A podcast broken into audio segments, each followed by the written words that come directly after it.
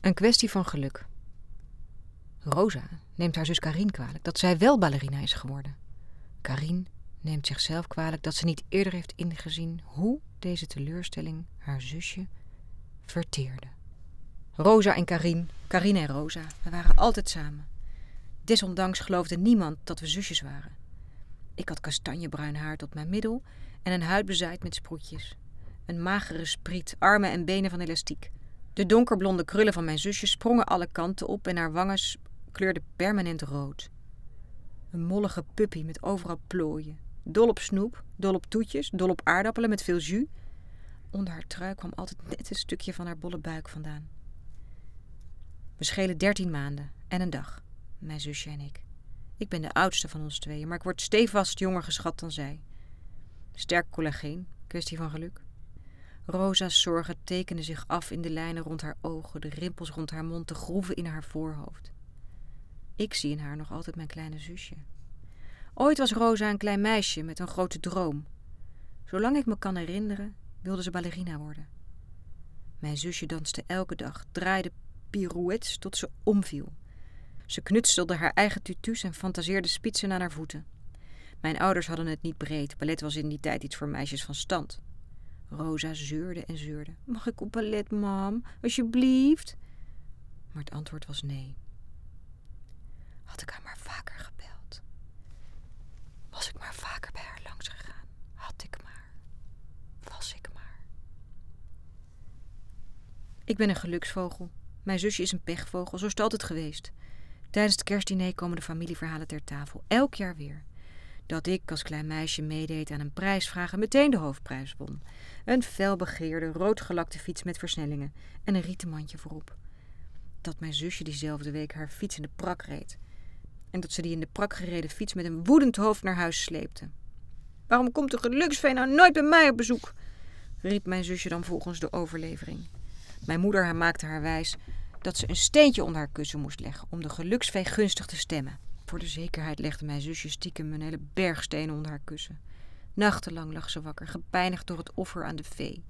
De kringen onder haar ogen groeiden en ze klaagde over nekpijn. Pas toen mijn moeder het bed verschoonde, begreep ze waarom. Heb ik jullie wel eens het verhaal verteld over de fiets en de vee? stak mijn grootvader van wal. Na zijn dood namen ooms en tantes het stokje over. Oom Fons, tante Marja, oom Harold, tante Dineke. Stuk voor stuk deden ze er een schepje bovenop, lieten wat weg, voegden een detail toe en de rest van de familie lachte hard. Al was de afloop bekend. Die gekke Rosa toch, onze pechvogel. Oom Harold zong met diepe stem.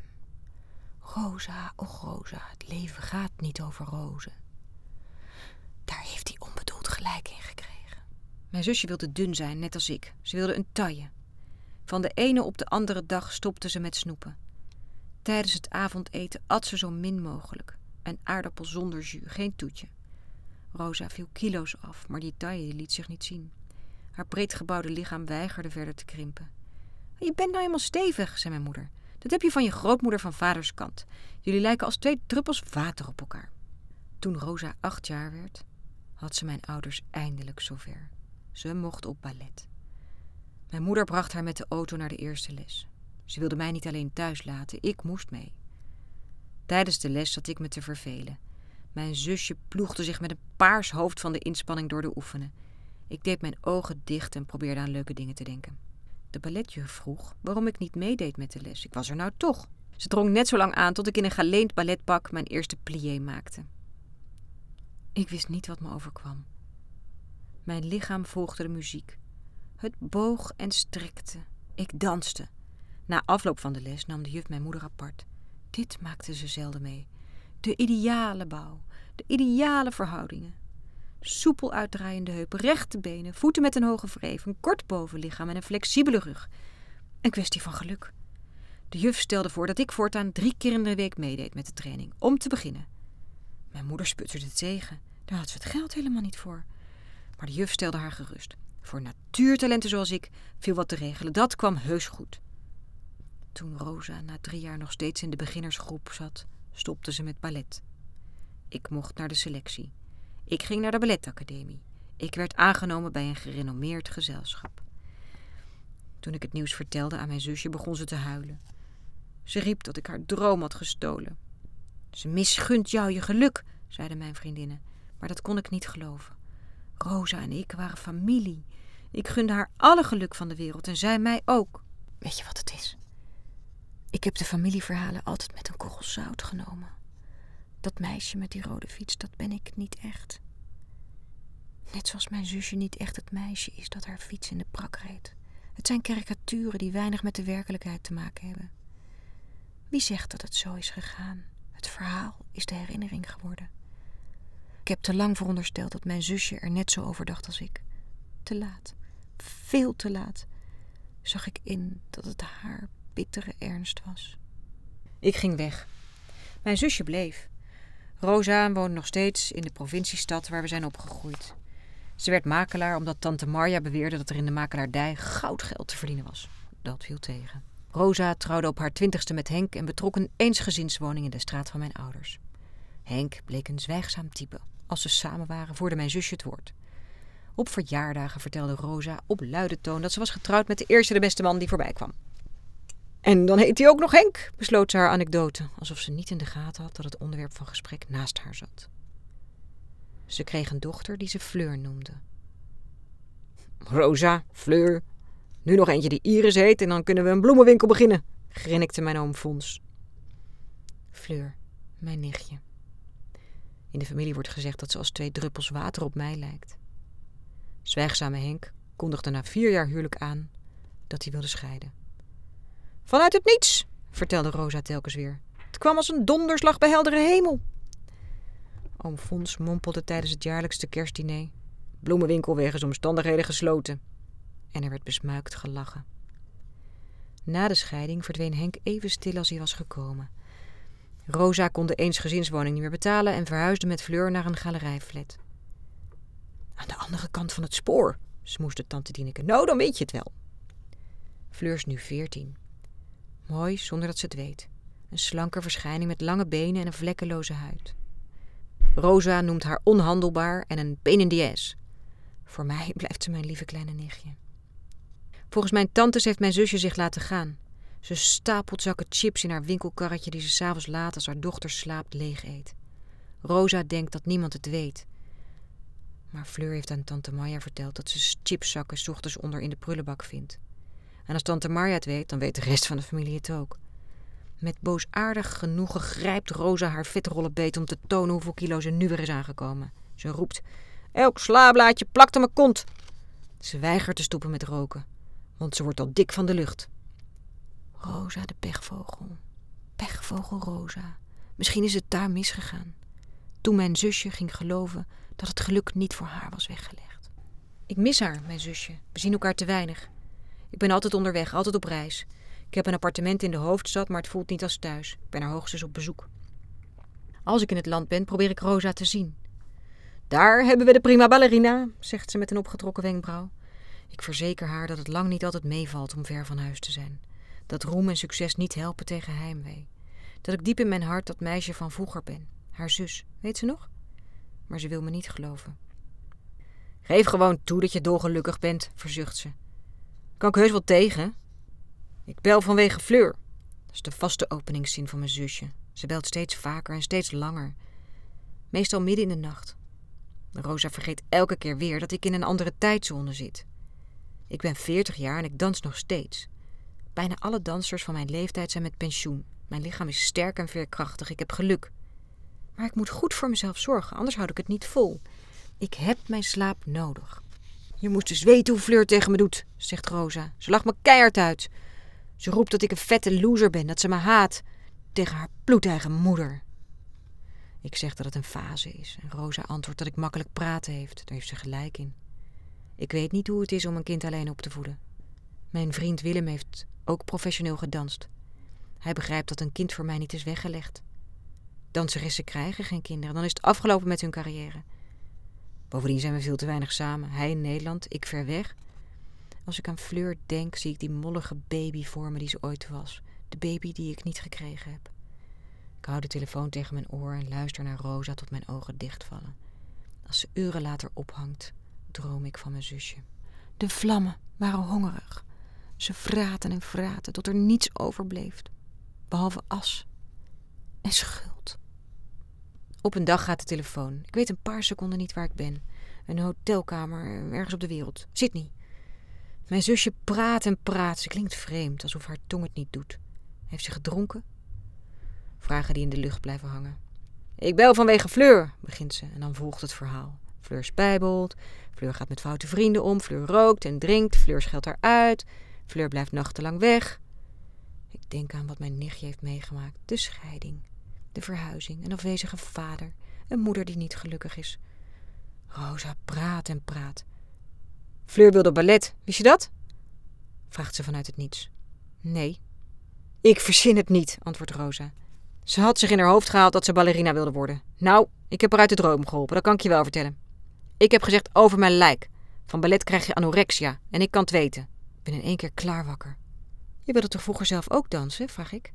Fleur snuift hoorbaar. Nou, kijk waar me dat heeft gebracht. Ik, zie het verband niet. Oh nee? antwoordt Rosa luid. Jij ziet het verband niet. Nou, dat zal ik je dan eens uitleggen. Wil je de korte of de lange versie? Voordat ik kan antwoorden, zegt ze. Weet je, laat ook maar. Jij begrijpt het toch niet. Wat begrijp ik niet? Dat ik mijn enige zus ben kwijtgeraakt door dat rotballet. En dat ik niet van plan ben om ook nog mijn enige dochter te verliezen. Haar stem is luid. Ik voel iets nats op mijn wang. Ik huil nooit. Hoe kun je dat nou zeggen? Vraag ik. Dat bedoel ik nou, snauwt Rosa. Jij bent alleen maar met je carrière bezig. En als je familie je nodig heeft, geef je niet thuis. Kun je dan nooit eens aan een ander denken? Met die woorden hangt ze op. De rest van de nacht lig ik wakker.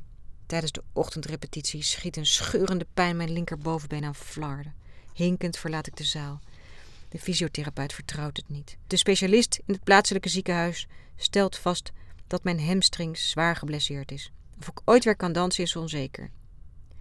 Je bent ook al veertig, zegt de arts, en ze glimlacht meelevend. Drie dagen later ben ik op de luchthaven van Sydney.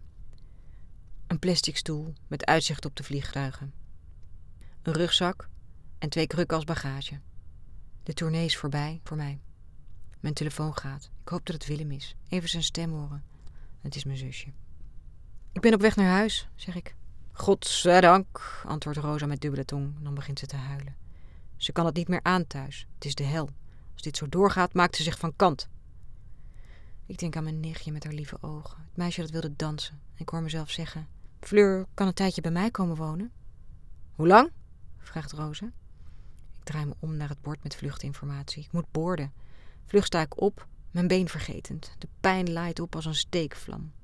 En ik moet het nog wel even met Willem overleggen, antwoord ik. Jullie wonen toch niet samen? Nee, maar. Ik zet Fleur overmorgen op de trein en dan zien we wel, zegt mijn zusje. En ze hangt op. Ik heb niet goed opgelet.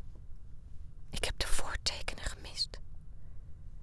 Dat is de zwakte van geluksvogels. Ze kunnen zich niet voorstellen hoe ongeluk eruit ziet. De kalender vertelt me dat het bijna kerstmis is. Mijn nichtje houdt zich schuil in de logeerkamer. Ze eet, ze slaapt, ze eet, ze slaapt. Als een patiënt die op krachten moet komen. Ze hoeft niet naar school, ze heeft vakantie. Ze fronst en zucht, maar wil niet vertellen wat haar dwars zit. Ze negeert haar telefoon. Als haar moeder belt, neemt ze niet op. Ze zwijgt.